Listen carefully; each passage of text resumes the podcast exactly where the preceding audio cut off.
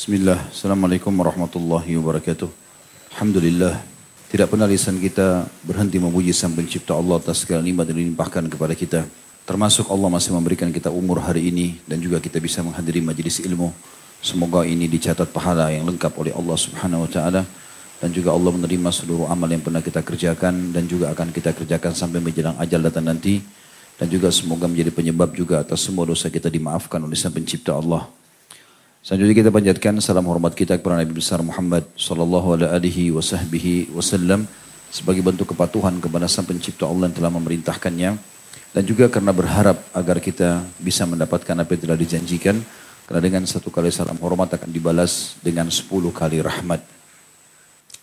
Malam ini insya Allah kita akan melanjutkan bahasan seperti biasa dosa-dosa besar dan malam ini berjudul marah kepada takdir Allah. Syekh Muhammad bin Wahab menyebutkan di halaman 78 kalau yang pegang bukunya bab as-sakhat atau bab kemarahan. Sebenarnya yang beliau masukkan di sini bukan marah secara umum tapi marah secara khusus di mana orang-orang tidak menerima keputusan Allah Subhanahu wa taala. Makanya di antara dalil-dalil yang diangkat oleh beliau itu berhubungan dengan masalah apa yang saya bahas tadi atau sebutkan dan akan kita paparkan panjang lebar insya Allah ke depannya. Teman-teman sekalian, memang kita manusia ini sangat terbatas. Keterbatasan kita sangat luar biasa. Sampai-sampai kita tidak tahu apa yang sedang terjadi dalam tubuh kita sendiri.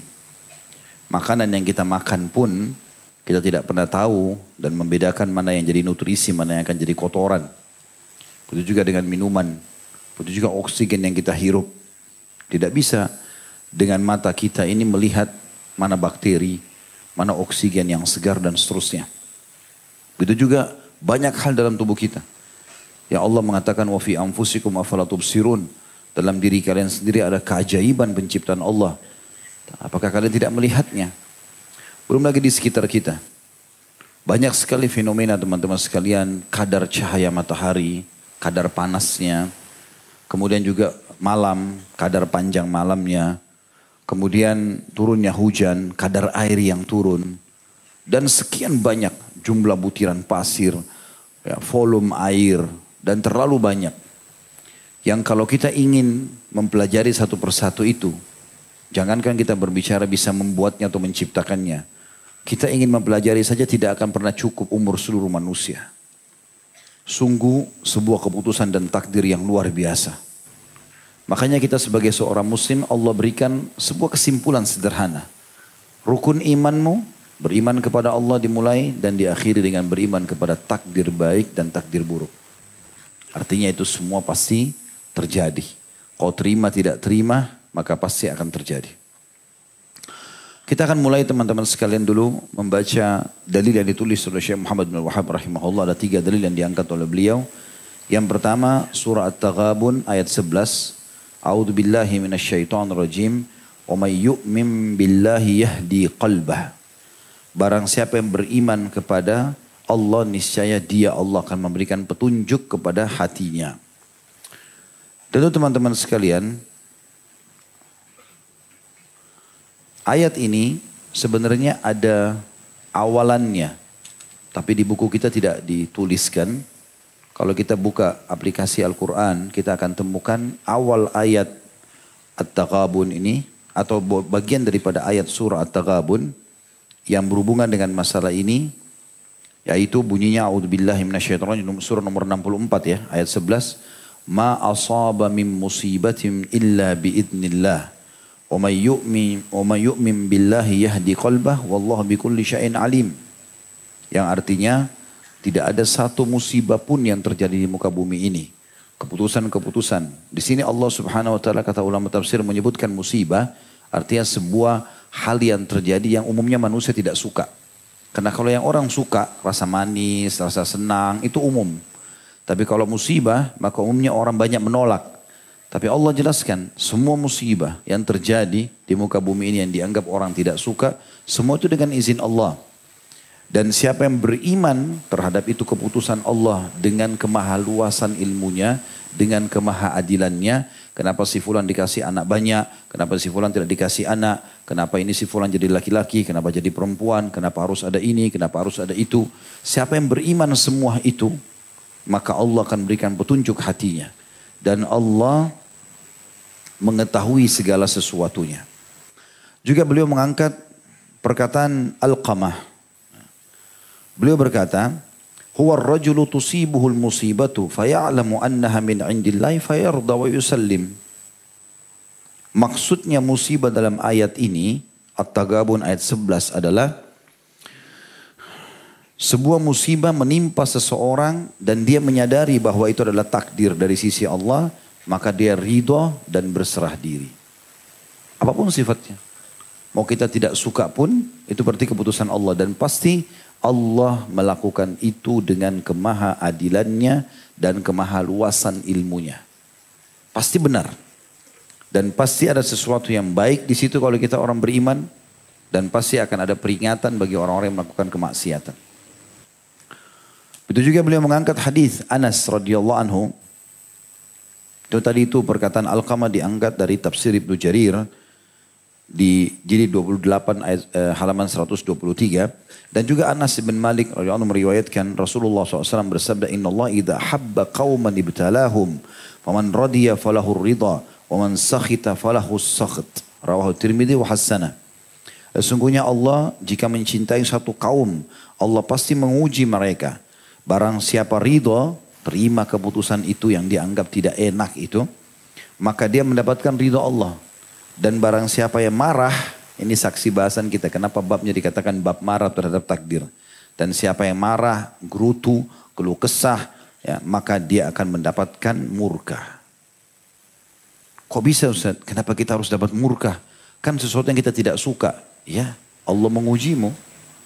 Ingin mengetahui apa kau bisa menerima atau tidak.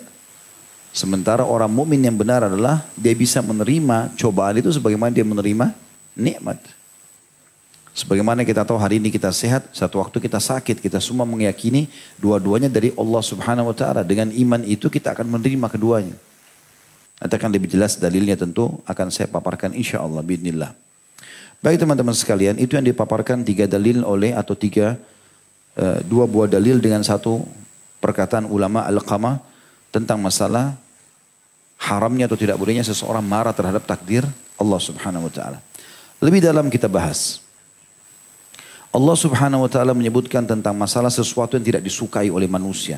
Karena kalau sekali lagi berbicara tentang takdir yang orang sukai, sesuatu yang orang sukai, maka mungkin tidak tidak tidak perlu bahasan khusus. Kamu suka kenyang enggak? Kamu suka makan enak enggak? Kamu suka ini dan itu enggak? Pasti oke, okay, suka. Tapi pada saat kita tanya, kamu suka sakit enggak? Kamu begini dan begitu enggak? Gitu. Kamu terima pada saat tidak punya anak? Dan seterusnya itu akan sulit. Maka Allah subhanahu wa ta'ala meniti beratkan agar orang beriman berada di keseimbangan keduanya.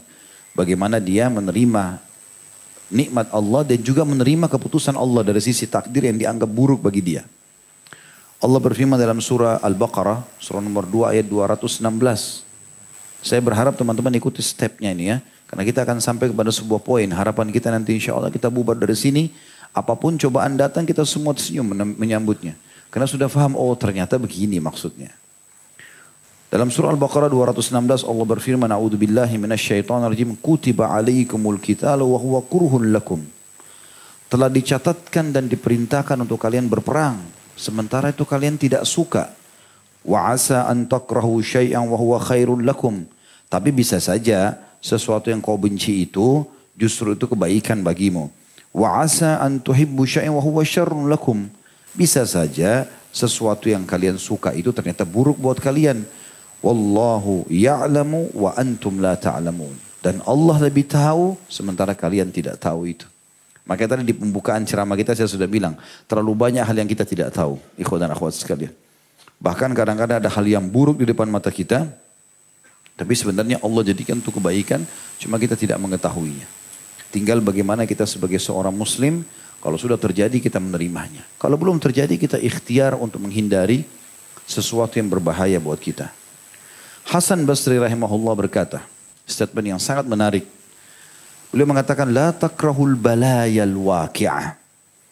Jangan pernah kalian sebagai orang beriman membenci cobaan-cobaan yang sedang terjadi. Wan naqamatul hadithah dan juga kemalangan-kemalangan yang terjadi. Farubba amrin takrahu fihi najah najatuk. Bisa saja sesuatu yang kau tidak suka itu justru di situ kesuksesanmu. Walarubba amrin tu'thiruhu fihi abda'uk. Dan bisa saja sesuatu yang kau suka itu justru itu adalah kecelakaan bagimu. Al-Fadl ibn Sahal juga berkata rahimahullah, Inna fil ilali la ni'mah. Sesungguhnya dalam cobaan-cobaan itu ada kenikmatan di situ. La bagi lil akili an yajhalaha. Tidak layak bagi orang yang berakal luput darinya masalah itu. Fahiyya tamhisul dzunub. Karena sudah pasti cobaan itu manfaat pertama menurut beliau Fadl ibn Sahal rahimahullah berkata adalah pembersihan dosa-dosamu. Apa pun cobaan datang, kecelakaan besar berarti bersihkan dosamu. Artinya kau tidak akan dihukum di akhirat. Di dunia rezekimu akan datang. Yang kedua, wa tu'rad li thawabus sabr. Engkau akan mendapatkan pahala sabar karena tidak akan dapat kecuali dengan cobaan. Yang ketiga, wa ikaw minal ghaflah. Cobaan itu menyadarkan dari kelalaian. Dengan adanya cobaan, kita jadi sadar. Oh ternyata saya lalai. Oh ternyata saya salah. Yang keempat, watadzkiru bin ni'mah fi halis sihha.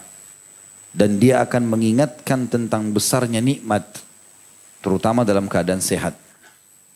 Ada orang kalau datang cobaannya lagi sakit, lagi ada masalah berat pikirannya, maka di situ dia merasakan enak benar dulu waktu saya kemarin tenang ya, belum ada masalah, lagi sehat dan seterusnya. Maka dia jadi ingat nikmat itu.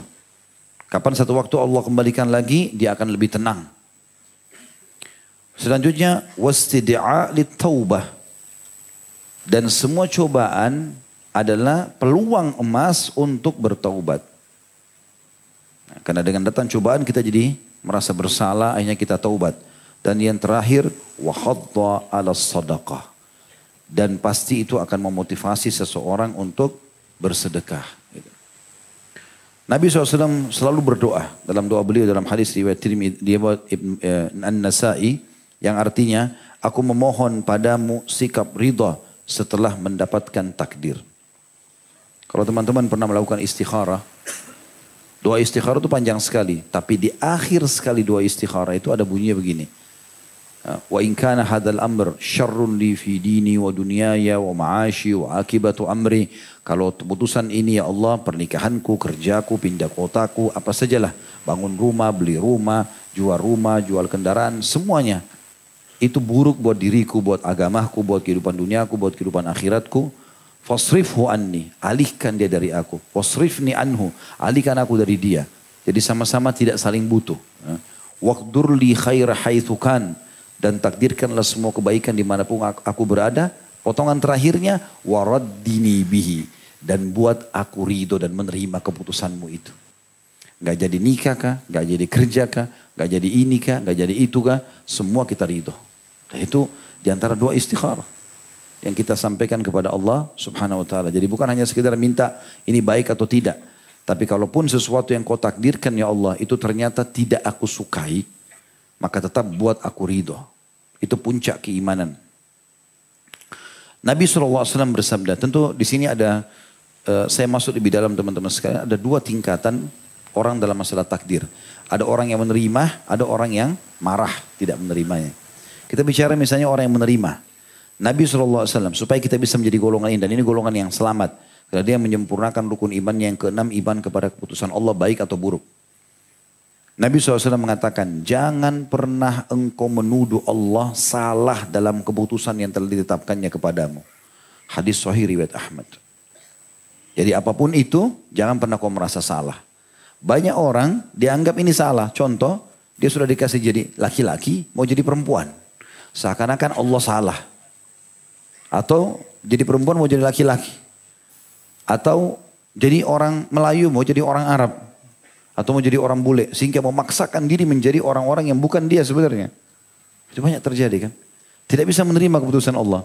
Seakan-akan Allah keliru dalam menentukan keputusan itu. Salah dia kenapa laki-laki, kenapa enggak perempuan padahal dia lebih cenderung pada perempuan dan seterusnya. Begitu terus. Ya.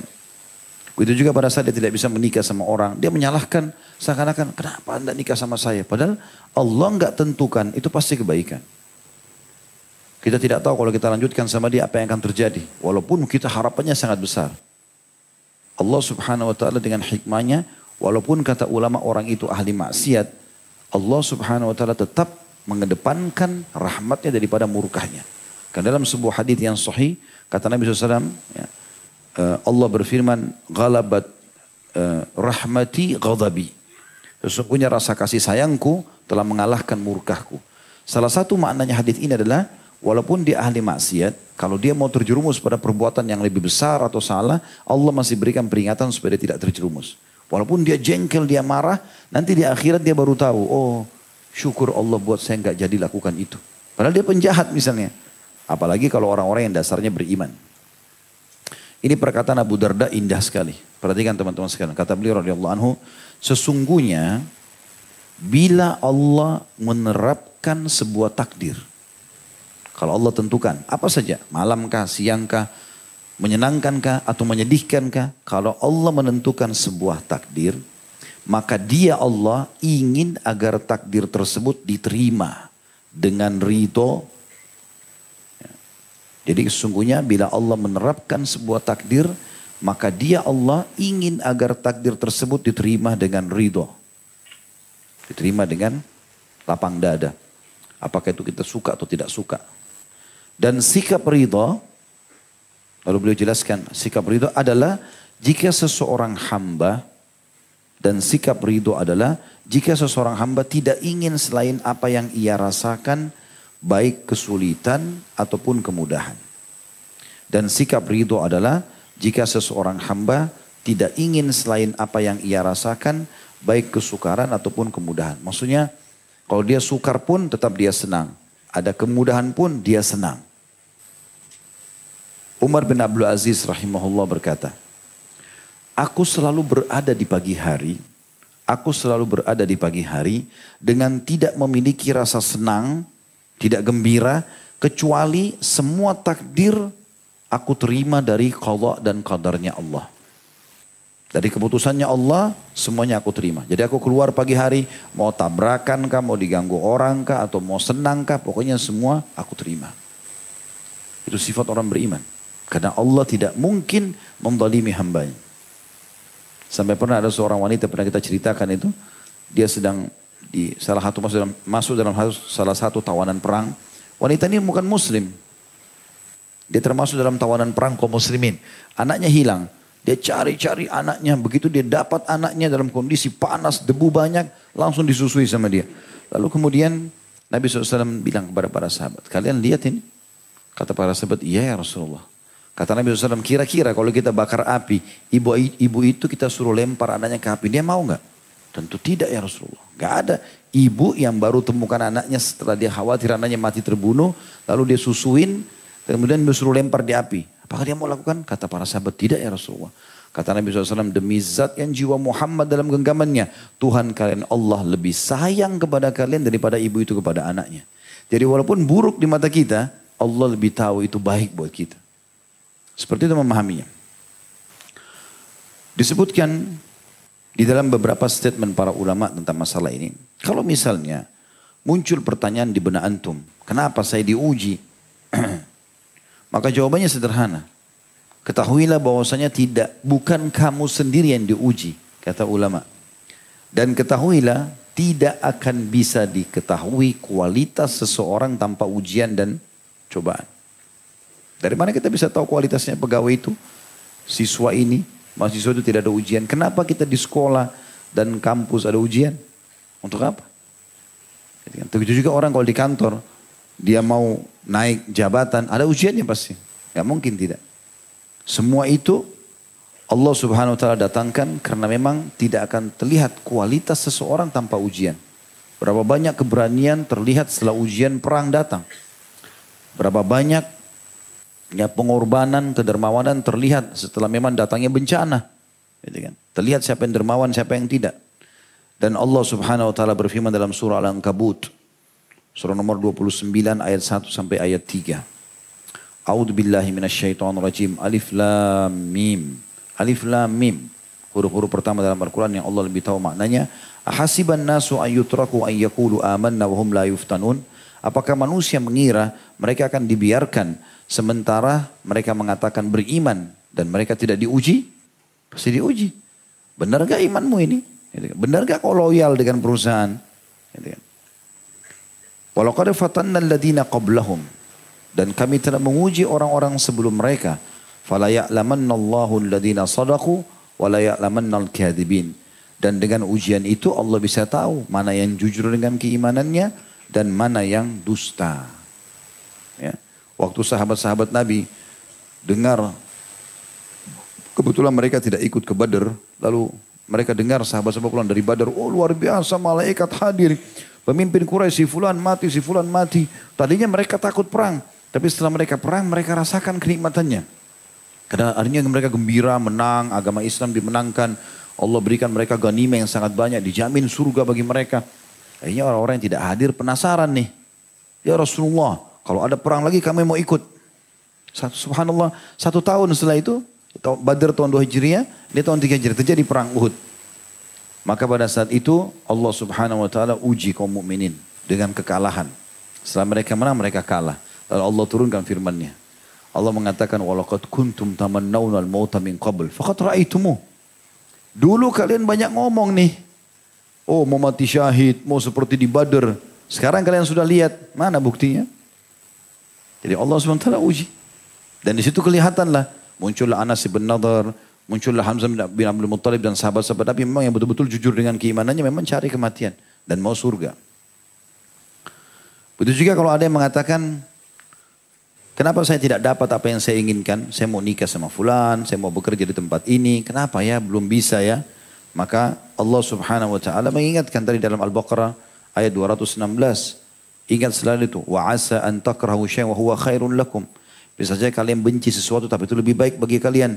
Wa asa an tuhibu syai'an wa huwa syarrun lakum. Bisa saja kalian suka sesuatu tapi itu buruk bagi kalian. Wallahu ya'lamu wa antum la ta'lamun. Allah tahu dan kalian tidak tahu. Kalau ada yang bilang juga, Mengapa berat sekali cobaan ini gitu. Allah menjawab dalam Al-Quran. La yukallifullahu nafsan illa usaha. Dalam surah Al-Baqarah ayat 286. Allah tidak akan menguji seorang hamba di atas kemampuannya. Dan Nabi SAW juga mengatakan dalam hadis yang sahih. Sesungguhnya Allah tidak akan menguji seorang hamba di atas kemampuannya. Berarti kita mampu melaluinya itu. Kita mampu melaluinya. Dan yang paling mahal dari sebuah cobaan teman-teman sekalian adalah kita ambil pengalaman hidup. Kalim itu mahal sekali. Kita kalau sudah pernah sakit, kita jadi tahu, oh saya sakit dulu begini. Bahkan dengan itu kita jadi tahu bagaimana dulu kita istirahat, bagaimana kita dokter siapa yang kita datangi, obat mana yang kita minum. Kita jadi tahu punya pengalaman dan itu mahal. Sampai pepatah bahasa Arab mengatakan, kalau ada orang lebih tua daripada kamu satu hari, berarti dia punya pengalaman 100 hari. Maka raihlah 100 hari pengalaman dari dia itu. Karena mahal sekali pengalaman hidup itu. Itu juga kalau ada orang sudah frustasi, dianggap dirinya sudah nggak bisa lalui cobaan, berat, keluh kesah begini, Allah juga menjawab dalam Al-Quran, dalam surah Al-Imran, surah nomor 3139. A'udhu billahi minasyaitonirrajim wa la tahinu. Jangan pernah merasa lemah. Orang beriman harus kuat, yakin dengan janji Allah. Wa la tahzanu, jangan sedih. Wa antumul a'launa in kuntum mu'minin. Kalian pasti menang Kalian pasti akan beruntung, kalian akan pasti dapat jalan keluar kalau kalian beriman. Kalau ada yang menanyakan bagaimana caranya saya menghadapinya, Allah juga menjawab dalam Al-Imran ayat 200. Semua cobaan pegang ini Al-Imran ayat 200, surah nomor 3 ayat 200. Akhir surah, ayat dalam surah Al-Imran. Allah SWT berfirman wasiat untuk orang-orang beriman. A'udzubillahi minasyaitonirrajim. Ya ayyuhalladzina amanu. Hai orang beriman, isbiru. Sabar. Wasabiru, kuatkan sabar kalian itu. Warabitu, tetap kalian berjuang, berusaha cari jalan keluar. Makna letterletnya, tetap kalian berjaga-jaga di perbatasan antara kalian dengan orang kafir. Tapi di sini makna umumnya adalah, tetap kalian ikhtiar. Coba terus, berobat terus, ikhtiar terus, jangan putus asa. Dikatakan wattaqullaha la'allakum tuflihun dan ikuti semua itu dengan ketakwaan. Artinya bentuk ikhtiarmu jangan sampai masuk kepada hal-hal yang haram ya, agar kalian beruntung. Kalau ada yang bertanya, lalu kalau saya sabar apa yang saya dapatkan? Banyak sekali dalilnya. Di antara firman Allah subhanahu wa ta'ala. Yang sabar bekerja belum dapat pekerjaan. Yang mau nikah belum dapat pekerjaan. Dia sudah menikah lalu bercerai dengan pasangannya tanpa dia inginkan. Belum dikasih anak. Banyak cobaannya. Macam-macam. Gangguan tetangga, gangguan orang kantor. Dihina fisik, dihina segala macam. Semua itu. Allah mengatakan dalam Al-Quran surah At-Taubah. Surah nomor 9 ayat 111. Balasannya apa? Inna Allah ashtara minal mu'minina anfusahum wa ammalum bi anna lahumul jannah. Sesungguhnya Allah membeli dari orang-orang beriman. Diri mereka dicoba oleh Allah SWT dengan segala macam. Dan harta mereka yang mereka keluarkan agar mereka mendapatkan surga. Balasannya surga. Nah, abadi selama dalam kenikmatan. Juga di dalam firman Allah subhanahu wa ta'ala. Atau kalau ada yang mengatakan apa yang harus. Jadi kalau itu jawab itu pertanyaan-pertanyaan itu jawabannya teman-teman sekalian. Jadi kita harus kembali kepada keyakinan kalau semua takdir adalah kebaikan yang Allah berikan. Walaupun itu buruk di mata kita. Dan Allah subhanahu wa ta'ala menyuruh kita untuk bertawakal kepadanya.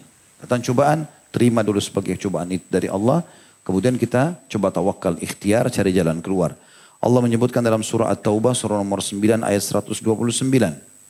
A'udhu billahi minasyaitonir rajim. Hasbiyallahu la hasbiyallahu alladhi la ilaha illa huwa alaihi tawakkaltu wa huwa rabbul arsyil azim. Cukuplah Allah menjadi penolongku. Tidak ada Tuhan yang berhak disembah kecuali Dia. Kepadanya aku menyerahkan diri dan Dia adalah pemilik arsy atau singgasana yang agung. Dan dalam sebuah hadis qudsi yang mulia riwayat Bukhari Muslim, kata Nabi SAW Allah berfirman, "Ana inda dhanni 'abdi bi." Aku sesuai dengan prasangkaan hambaku. Riwayat lain dikatakan kalau dia pesangka baik pada aku, aku akan berikan sesuai dengan prasangkanya. Kalau dia sangka buruk, maka terjadilah itu pada dia. Juga teman-teman sekalian dalam riwayat Baihaqi, sebuah hadis yang mulia, semua cobaan yang datang itu, asal antum bisa mengontrol diri, tahu pada saat itu Allah sedang menguji, Allah maha melihat, dan fa'inna mal usri usra, di setiap kesulitan ada kemudahan. Maka kalau kita nanti melihat pahalanya hari kiamat, bukan cuma kita gembira. Orang yang tidak tertimpa apa yang menimpa kita, gangguan selama kita di dunia, maka mereka berharap tertimpa cobaan yang lebih berat daripada kita.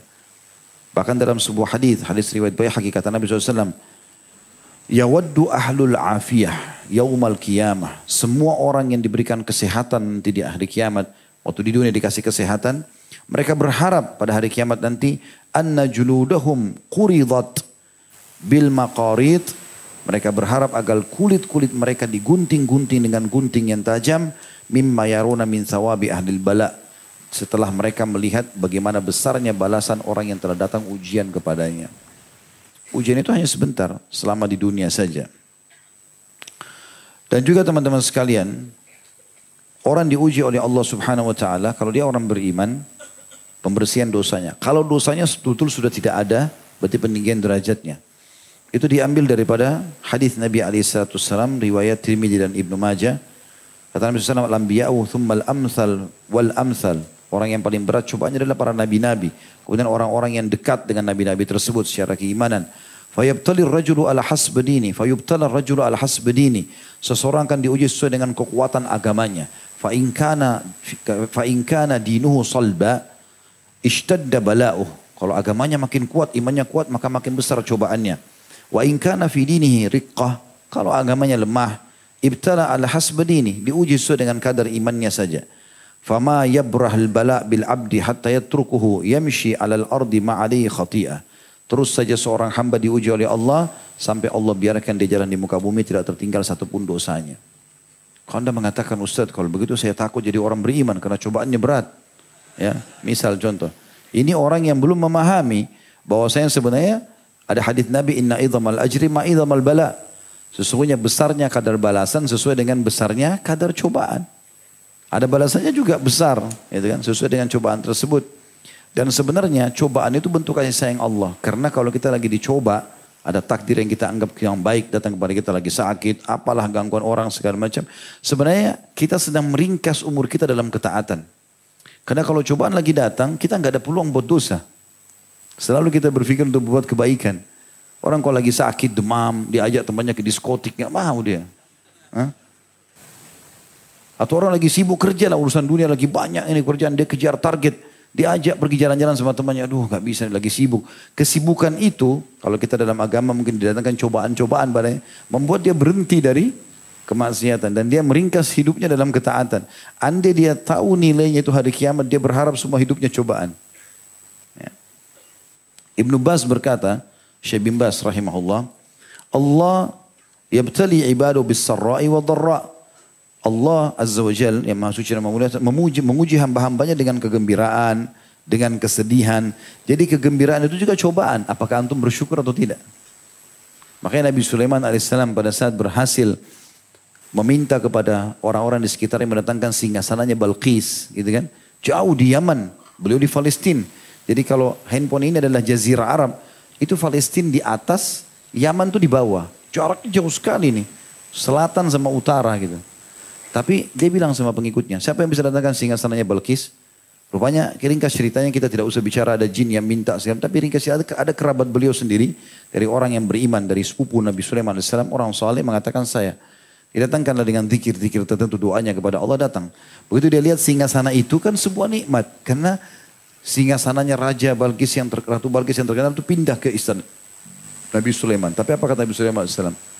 Sesungguhnya ini adalah cobaan dari Tuhanku. Dia melihatku apakah aku bersyukur atau aku kufur. Jadi nikmat itu pun dianggap sebagai cobaan sama dia. Agar jangan sampai kita lalai dari syukurnya. Cobaan agar kita jangan lalai dari sabarnya. Begitulah. Berimbang ini ya. Nikmat kita syukuri, cobaan kita sabari. Ini sama. Dua-duanya kita sukai. Seperti itulah Islam mengajarkan. Kata beliau, Allah Azza wa Jal yabtali ibadah. Allah yang maha suci, maha, maha tinggi, memuji hamba-hambanya bisarra dengan kegembiraan, wadharra dan juga cobaan. Wabishiddati warraha juga dengan sakit, gangguan, juga dengan kelapangan dada. Ini semua ada jadi fenomena dalam hidup. Waqad yabtalihim biha lirafi' darajatihim. Dan Allah menguji mereka bisa saja untuk mengangkat derajatnya supaya tinggi nanti di akhirat. Wa ila dzikrihim dan mengagungkan nama mereka. Jadi subhanallah, kalau ada puncak cobaan datang pada antum ikhwas sekalian akhwat, coba sabar. Di ujung cobaan itu kalau antum tidak berkeluh kesah, antum sabar, pasti akan ada sesuatu yang besar di situ. Pernah saya ceritakan kisah, seseorang di salah, kisah salafus saleh dulu. Dia rupanya, saya ingatkan kembali kisahnya tentunya. Dia rupanya Majelis ramai sekali orang, penuh. Padahal di masjid itu ada gurunya juga punya halakah. Dia dulu hadir di halakah gurunya. Tapi ternyata lebih banyak muridnya daripada gurunya. Teman-temannya pada datang semua. Ada apa dengan kamu ini? Kok bisa majelismu lebih ramai daripada guru kita? Apa yang kau lakukan? Dia bilang kalau kalian dengar, ceritakan. Dan mereka teman-temannya, tentu saja kami mau dengar. Maka dia bilang, dulu 10 tahun yang lalu kebetulan, dia duduk di halakah sama. Dia belajar terus. Dia baru buka halakah majelis ilmu dia setelah 10 tahun dia bilang.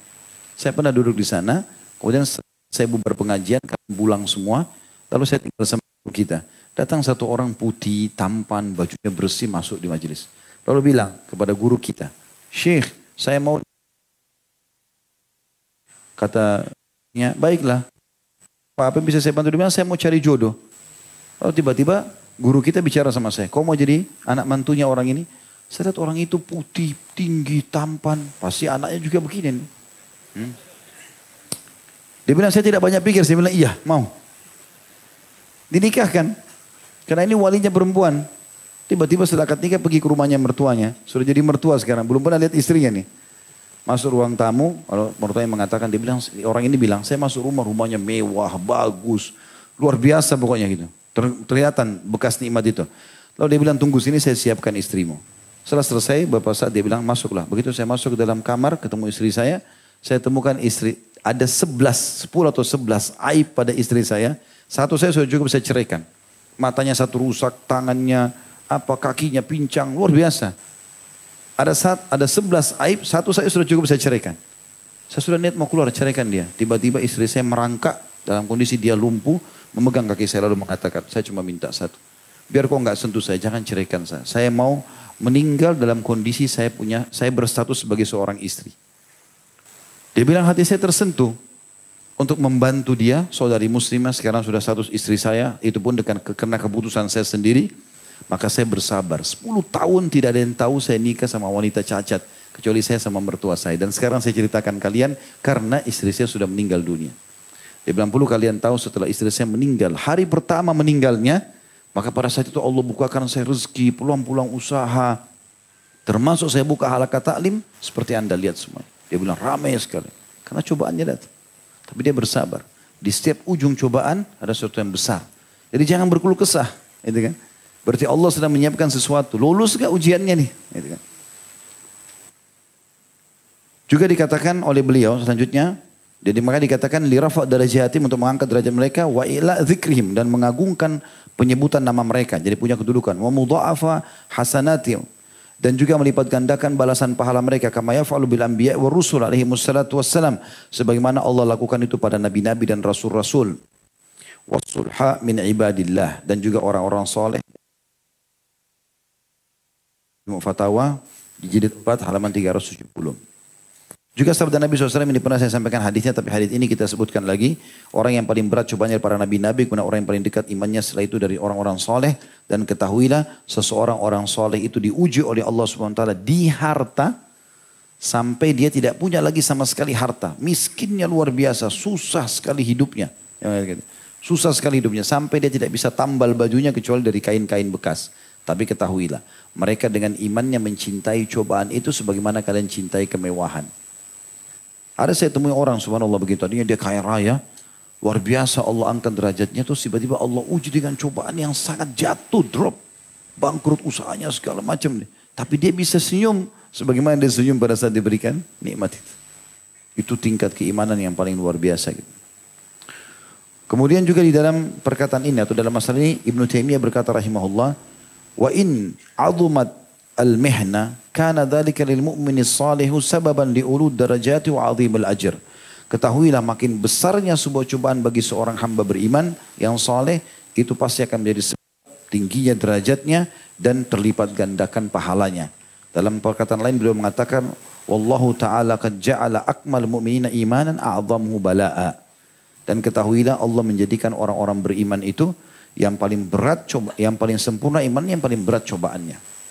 Jadi cobaan-cobaan itu seperti ini misalnya. Kalau ada orang biasa, awam, sakit, demam, tiga hari, mungkin orang ini satu minggu.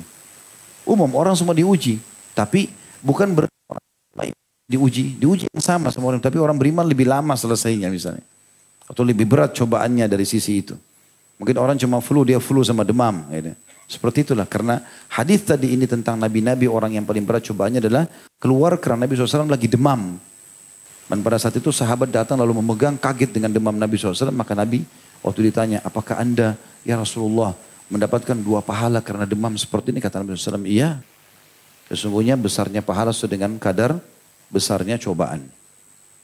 Al-Munawi berkata, Barang siapa yang menyangka bahwa apabila seorang hamba ditimpa ujian yang berat itu adalah sebuah kehinaan, maka sungguh akalnya telah hilang dan hatinya telah buta. Betapa banyak orang soleh yang mendapatkan cobaan. Tidakkah kita melihat bagaimana Nabi Yahya bin Zakaria disembelih atau dibunuh oleh kaumnya sendiri. Terbunuhnya tiga khulafa Rashidin, Umar bin Khattab ditusuk oleh Abu Lu'lu. Uthman bin Affan dibunuh oleh kaum Khawarij. Gitu kan? Ali bin Abi Thalib dibunuh oleh kaum Khawarij. Ini orang-orang mulia. Ya, sampai Nabi SAW waktu pernah jatuh sesuatu barang dari beliau. Kemudian Ali bin Abi Thalib yang memungutnya. Lalu Nabi berkata kepada sahabat-sahabat yang ada di situ. Kasihan sepupuku ini. Nanti dia akan diuji oleh Allah dengan terbunuhnya di bagian kepalanya. Sampai Ali tahu. Ali mengatakan, dia sudah dengar Allah mengatakan, sungguh demi Allah yang jiwa Ali dalam genggamnya nanti akan ada pisau seseorang tertusuk di sini dan tembus ke sini. Jadi tunjuk tubuhnya. Dia tahu Nabi SAW menerima jadi kematian itu dia tidak rasakan lagi, dia cuma rasakan uh, sakaratil maut gitu kan. Ketika terbunuhnya Al-Husain, cucu Nabi SAW. Terbunuhnya Ibnu Zubair, Abdullah bin Zubair di Mekah. Ya, sampai Asma, ibunya dia, Asma binti Abi Bakar, anaknya Abu Bakar. Dan ini wanita mulia sekali, terkenal. Istrinya Zubair, ayahnya dia Zubair bin Awam. Abdullah bin Zubair, waktu hari terakhir digempur di Mekah oleh pasukan Hajjaj, ini kan. Dia dekati ibunya, ibunya sudah buta matanya, Asma. Lalu kemudian dia datang lalu mengatakan, ibu saya ingin meminta pendapatmu. Gitu kan. Maka kata Asma, wahai anakku, kalau kau yakin kau benar, majulah. Dan jangan pernah kau ragu untuk dipermainkan oleh Bani Umayyah, gitu kan, maksudnya menyerangnya, pasukannya itu. Lalu kemudian aku berharap kematianmu nanti itu benar, kau mati syahid. Dia mengatakan demi Allah, kata kata Asma, kalau kau ingin akhirat, kau ingin Allah, kau akan mati syahid. Tapi kalau kau inginkan dunia, maka kau tidak akan dapatkan kecuali kehinaan. Kata Abdullah bin Zubair, demi Allah wahai ibuku, aku tidak ingin kecuali akhirat. Demi Allah, bersumpah atas nama Allah.